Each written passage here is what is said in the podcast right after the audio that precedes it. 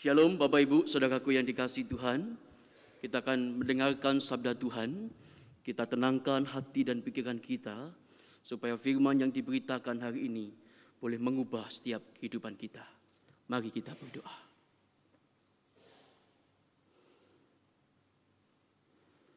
Bapa di surga, di dalam dunia ini ya Tuhan kami diperhadapkan sebuah tantangan iman yang begitu besar.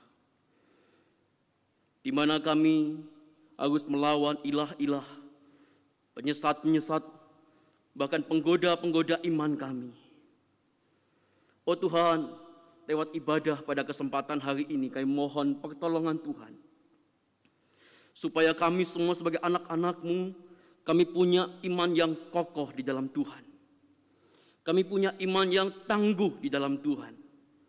Kami punya iman yang justru bisa berdampak bagi orang lain, ya Tuhan. Oh Tuhan, sebentar lagi kami baca dan merenungkan kebenaran firman-Mu. Urapi hambamu dengan segala keterbatasan yang hambamu miliki untuk menyampaikan kebenaran firman pada kesempatan pagi hari ini. Dan berkati kami semua ya Tuhan, yang hendak belajar di dalam momen yang sangat penting di dalam perjalanan gereja Tuhan. Bila sungguh-sungguh firman-Mu hari ini boleh memberkati kehidupan kami. Di dalam nama Tuhan Yesus Kristus kami sudah berdoa dan mengucapkan syukur kami. Haleluya. Amin. Sekali lagi Bapak Ibu Saudara, Shalom. Saya bersyukur sekali dan penuh dengan antusias gitu ya. Kalau melihat bangku-bangku gereja ini semakin penuh gitu ya. Dan harapan saya nanti kita bisa buka di balkon begitu ya biar semua cemarak kembali gitu ya. Sekian lama kita sudah menanti-nanti momen-momen yang semacam ini Bapak Ibu. Mari kita akan membaca kebenaran firman Tuhan. Tadi satu bagian yang sudah dibaca di dalam petunjuk hidup baru kita. Kita akan baca di dalam Roma pasal yang pertama ayat yang ke-16 sampai dengan ayat yang ke-17. Roma pasal yang pertama ayat yang ayat yang ke-16 dan 17 demikianlah sabda Tuhan. Sebab aku mempunyai keyakinan yang kokoh dalam Injil. Karena Injil adalah kekuatan Allah yang menyelamatkan setiap orang yang percaya. Pertama-tama orang Yahudi, tetapi juga orang Yunani.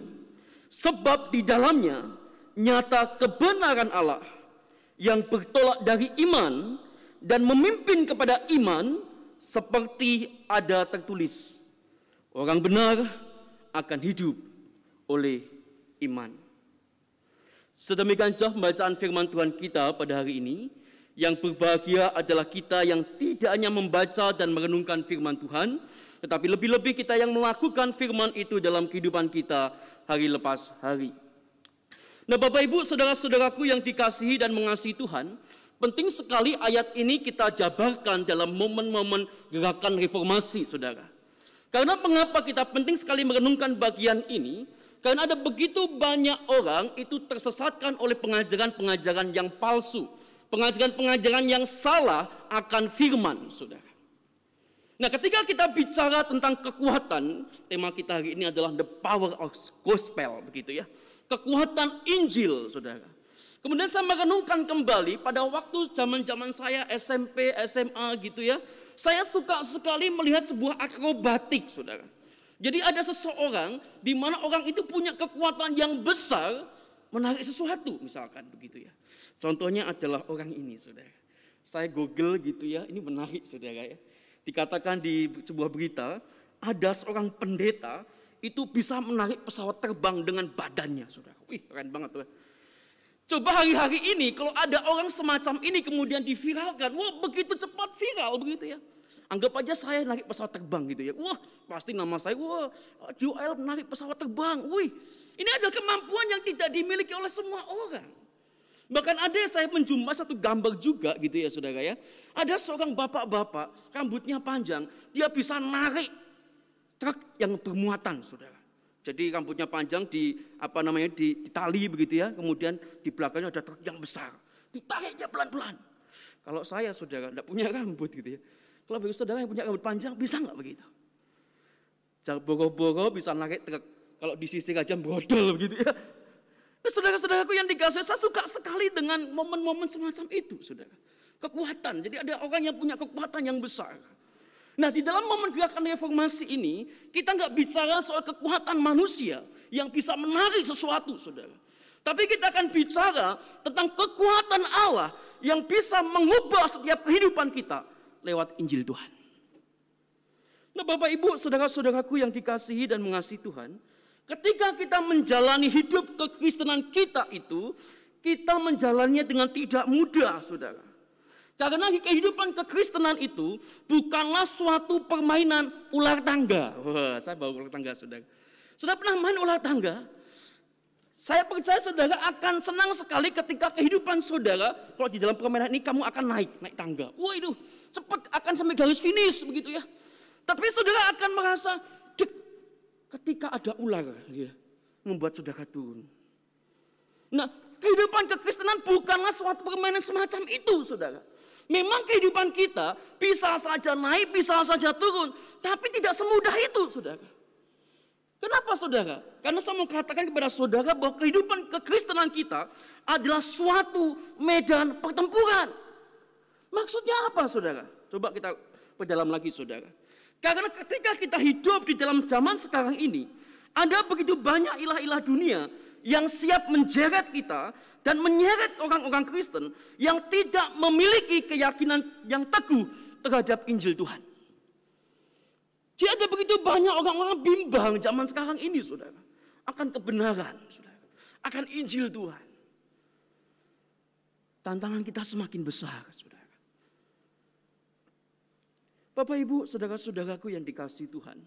Sebab itu ada yang namanya gerakan reformasi. Tahukah Anda bahwa Allah telah menggunakan teks yang kita baca saat ini untuk menjangkau Martin Luther?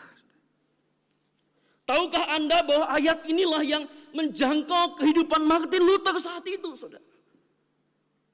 Sekian lama dia berupaya untuk memperoleh kebenaran di hadapan Allah melalui perbuatan baik, tetapi tanpa kepastian dan kedamaian. Itulah yang membuat Martin Luther akhirnya saudara menyadari bahwa kebenaran merupakan anugerah Allah bagi orang yang berdosa dan yang beriman kepada Yesus Kristus. Di dalam bagian yang pertama kita mau belajar, saudara. Bahwa pemberitaan Injil itu bukan hanya sebuah informasi maupun inspirasi. Melainkan transformasi. Saya lagi saudara. Pemberitaan Injil yang engkau dengar itu bukan hanya sebuah informasi ini loh ada anak Allah yang turun ke dunia yang menyelamatkan umat manusia. Bukan hanya sekedar informasi. Kalau ada Yesus yang turun ke dunia. Tetapi Yesus yang turun ke dunia itulah yang mengubah hidup kita. Yang mentransformasi hidup saudara. Bapak ibu saudara-saudaraku yang dikasih dan mengasihi Tuhan. Ketika Paulus menulis surat Roma ini saudara. Ketika Injil menguasai hidup dia. Maka seluruh aspek dalam kehidupan Paulus itu berubah. Saudara. Ketika Paulus berjumpa dengan Yesus secara pribadi dalam kehidupannya, itu membuat Paulus berubah total. Dari dulunya yang jahat, saudara dia kemudian dia berubah menjadi seorang penginjil Tuhan yang luar biasa. Dari dulunya yang dia membenci orang-orang yang percaya pada Tuhan, berubah menjadi orang-orang yang bisa melayani Tuhan. Bapak Ibu, saudara-saudaraku yang dikasih Tuhan. Tahukah saudara, bagi Paulus memberitakan Injil di kota Roma merupakan tantangan yang baru, saudara. Kenapa saya mau katakan tantangan yang baru, saudara? Kota Roma adalah kota yang lebih besar daripada kota-kota lainnya, dalam catatan Alkitab, saudara. Tentunya kota-kota besar itu ada banyak begitu cendekiawan, ada begitu banyak orang-orang yang berada, golongan bangsawan itu juga banyak di sana. Dan persoalannya adalah Roma ini adalah kota yang besar. Kalau di dalam kota-kota kecil saja, itu Paulus begitu mengalami banyak tantangan di dalam beritakan Injil. Bagaimana ketika di kota besar? Tentu dia juga akan menghadapi tantangan yang begitu besar, saudara. Tetapi kenapa Paulus mau pergi ke kota itu untuk memberitakan Injil Tuhan? Salah satunya adalah karena Injil sudah mengubahkan hidup Paulus. Karena Injil itu sudah mengubahkan hidupnya, maka dia bertanggung jawab memberitakan Injil kepada orang lain supaya orang lain yang mendengarkannya juga diubahkan hidupnya. Saudara-saudaraku yang dikasihi Tuhan, saya mau katakan bahwa pemberitaan Injil dan kedekatan dengan firman membuat Paulus mengalami transformasi dalam hidupnya. Berapa banyak saudara pada kesempatan hari ini sejenak paus dalam kehidupan aktivitasmu, engkau merenungkan firman Tuhan. Ada berapa banyak di antara kita yang kamu paus entah malam, pagi, siang, paus sejenak baca firman. Saya menemukan ada begitu banyak orang beraktivitas sibuk ini sibuk itu tapi tidak pernah mengisi dirinya dengan firman Tuhan. Yang jadi adalah kehidupan dia menjadi gersang yang jadi kehidupan dia menurut kehendaknya sendiri, bukan menurut kehendak Tuhan. Bapak Ibu, saudara-saudaraku yang dikasihi dan mengasihi Tuhan. Di dalam perjalanan pelayanan saya, saudara, saya mendapati bahwa ketika hati kita itu terisi oleh firman, karena firman itu berfungsi untuk membersihkan, untuk mengeluarkan hal-hal yang buruk dalam kehidupan kita dan ketika kita hati kita, pikiran kita terisi oleh firman saudara, semangat pelayanan kita akan semakin berkobar kembali. Dua tahun mungkin kita tidak disibukkan tentang pelayanan gereja, saudara. Namun mari saudara, saya mengundang saudara dalam momen-momen yang semakin baik saat ini. Dan kita berdoa juga akan semakin baik. Kita recovery, saudara. Yang dulu kita di rumah saja, saudara. Dalam momen-momen semacam ini, kita ambil bagian dalam pekerjaan Tuhan. Apa pun itu. Bapak Ibu, saudara-saudaraku yang dikasih Tuhan. Itu yang pertama yang kita belajar. Bahwa ketika kita mendapatkan Injil Tuhan. Ketika kita mendengarkan Injil Tuhan. Itu bukan hanya sebatas informasi. Maupun sebatas apa namanya itu kata-kata. Tapi yang lebih penting dari itu adalah Injil yang kamu dengar harus mentransformasi hidup saudara. Harus mengubah kehidupan saudara. Yang kedua saudara, di dalam ayat yang ke-17 kita akan mendapati ada satu kata yang diulang-ulang di sana. Yaitu tentang apa? Iman saudara. Saudara-saudara ketika saya merenungkan kata iman di dalam Roma pasal pertama 17 itu saudara. Saya melihat bahwa berita keselamatan atau berita tentang Injil Tuhan itu diterima memang melalui iman saudara. Maka tidak ada tembok rasial, tidak ada tembok kultural yang dapat membatasi efektivitas pemberitaan Injil Tuhan. Suatu kali ketika saya berkhotbah tentang iman, hanya imanlah yang menyelamatkan saudara. Saya ditanya oleh seseorang, saudara. Pak Yoel, berarti iman Kristen itu adalah iman yang sempit, dia bilang. Kan cuma lewat iman, kan cuma lewat percaya sama Tuhan Yesus mendapatkan keselamatan. Berarti itu iman yang sempit, dia bilang. Saya jawab apa, saudara? Justru bagi saya itu bukan iman sempit. Itu adalah iman yang sangat sederhana sekali. Ketika kamu mengakui segala dosamu dan kamu tidak tidak layak menerima pengampunan, kamu minta tolong sama Tuhan, Tuhan akan mengampuni segala dosa. Berbeda dengan ajaran-ajaran yang lain.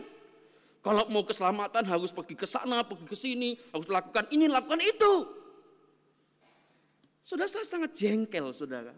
Ada sebuah majalah, saudara. Ada sebuah majalah, saudara. Di majalah itu dituliskan begini. Mari sama-sama kita pergi ke Israel karena di sana akan diyakinkan saudara akan mendapatkan surga. Wih, ada satu kalimat itu saudara. Berarti kalau saya percaya dengan kalimat itu, berarti saya nggak ke surga, nggak bisa mendapatkan surga karena nggak bisa ke Israel. Ada semacam itu, saya miris saudara.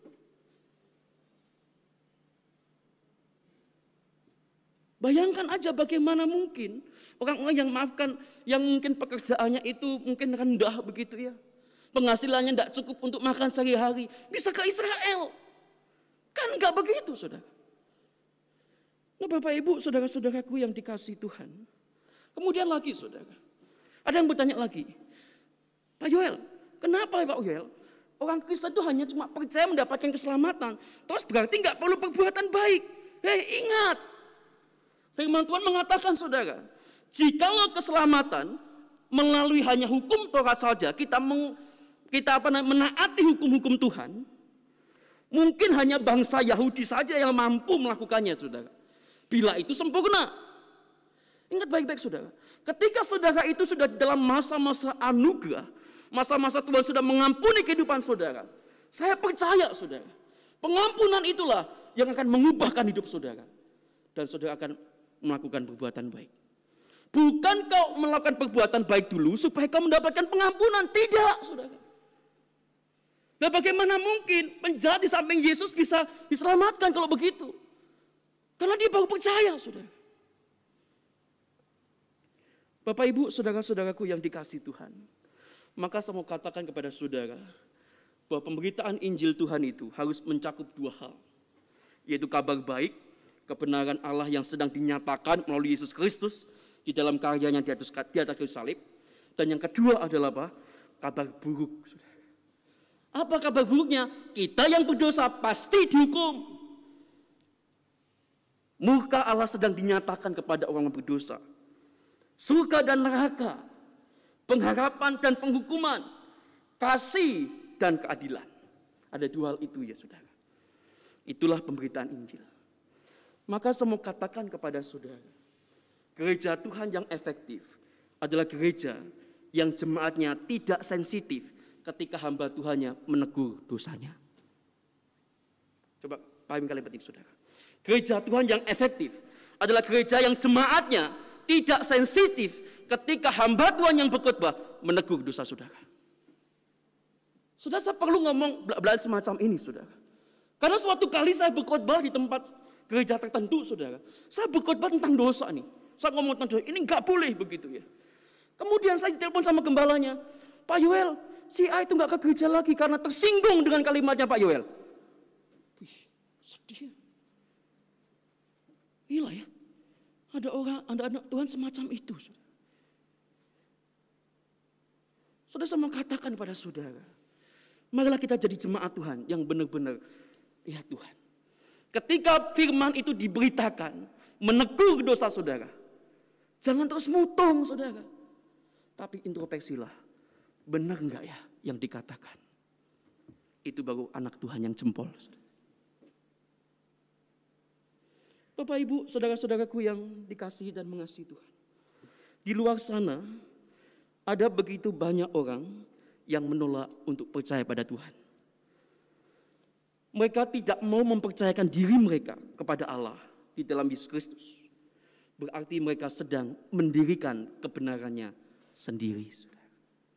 Jadi orang-orang yang enggan percaya pada Tuhan, enggan mau menyerahkan kehidupannya kepada Tuhan 100%, berarti orang-orang semacam itu adalah orang-orang yang mendirikan kebenarannya sendiri. Paham saudara? Dia nggak mau diatur oleh Tuhan. Dia nggak mau diatur oleh orang lain. Dia mau semau gue. Saya lakukan ini terserah gue. Hidup-hidup gue. Ya hidup lu. Tapi siapa yang kasih berkat pada lu? Ya Tuhan sih. Kan begitu kan?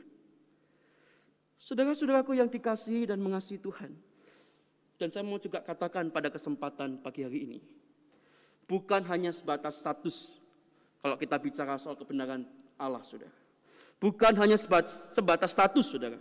Melainkan perubahan hidup yang nyata. Perubahan hidup yang nyata itu bukan hanya sebuah deklarasi iman kita. Ketika kita di gereja, kita Tuhan ampuni saya, Tuhan ubahkan hidup saudara, saya gitu ya.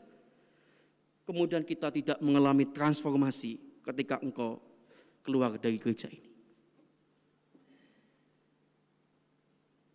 Ketika engkau menerima kebenaran Allah, firman yang diberitakan, itu bukan hanya sebuah status ketika oh dapat berkat dari khotbah hari ini, pasang satu sudah tapi hidupmu tidak pernah mengalami transformasi. Saya lebih senang saudara, banyak anak Tuhan itu tertransformasi hidup dia. Bukan hanya sebatas apa? Pengakuan. Tapi sungguh-sungguh dia berubah. Setelah kenapa banyak gereja itu susah mencari pelayan? Karena banyak orang itu tidak diubahkan hidupnya. Tapi ketika dia sudah diubahkan hidup dia, maka saya percaya dia akan berkobar-kobar, sudah semangat melayani. Sobat ini, ya, ayo siap gitu ya. Wah, itu luar biasa, saudara. Saya mendambakan momen-momen itu dalam kehidupan kita. Terakhir, saudara, saya mau katakan sebagai perenungan singkat pada kesempatan pagi hari ini, saudara. Memang tidak panjang, saudara.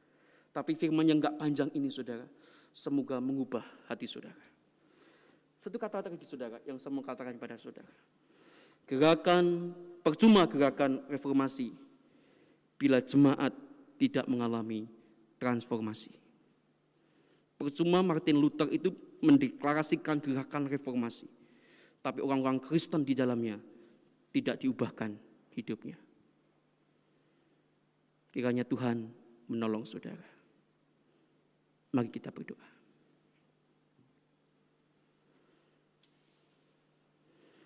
Tenangkan diri saudara di hadapan Tuhan. renungkan sebentar di dalam firman Tuhan yang sudah dibacakan dan diberitakan hari ini. Apakah ada hal yang sudah, yang akan saudara ubah dalam hidup saudara?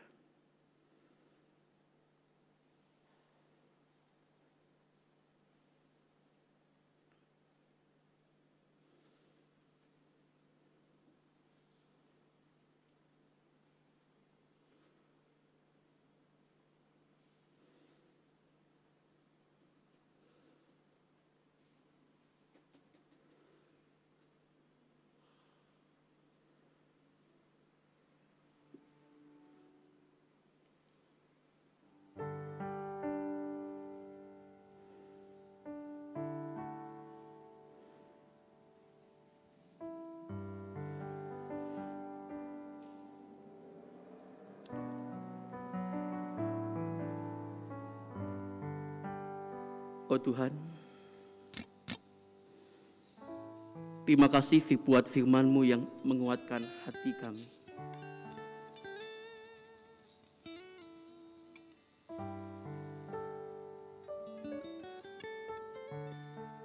Terima kasih buat firman-Mu yang bisa menjadi cermin buat kami.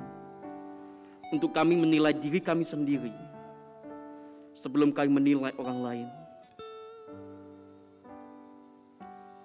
Oh Tuhan di dalam masa gerakan reformasi ini kami diminta untuk mengoreksi diri kami. Apakah ketika kami sudah berpuluh-puluh tahun mengikut Tuhan, bertahun-tahun menjadi anak Tuhan, apakah kehidupan kami sudah diubahkan oleh Tuhan? Atau justru ketika kami pergi ke gereja, ketika kami beribadah kepada Tuhan, itu hanyalah sebuah kepalsuan belaka supaya kami dinilai ini loh orang Kristen. Tuhan ampuni kami ya Tuhan ketika kami masih bertopeng kebaikan untuk menutupi keburukan kami. Untuk menutupi kebebalan kami. Untuk menutupi kehendak kami sendiri. Tuhan terima kasih buat firman-Mu yang mengajar kami hari ini.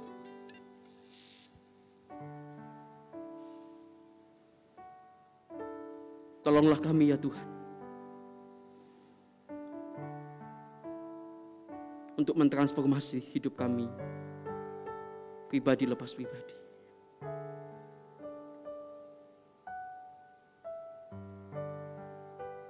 Kami serahkan untuk setiap anak-anak Tuhan yang boleh mendengarkan firman hari ini.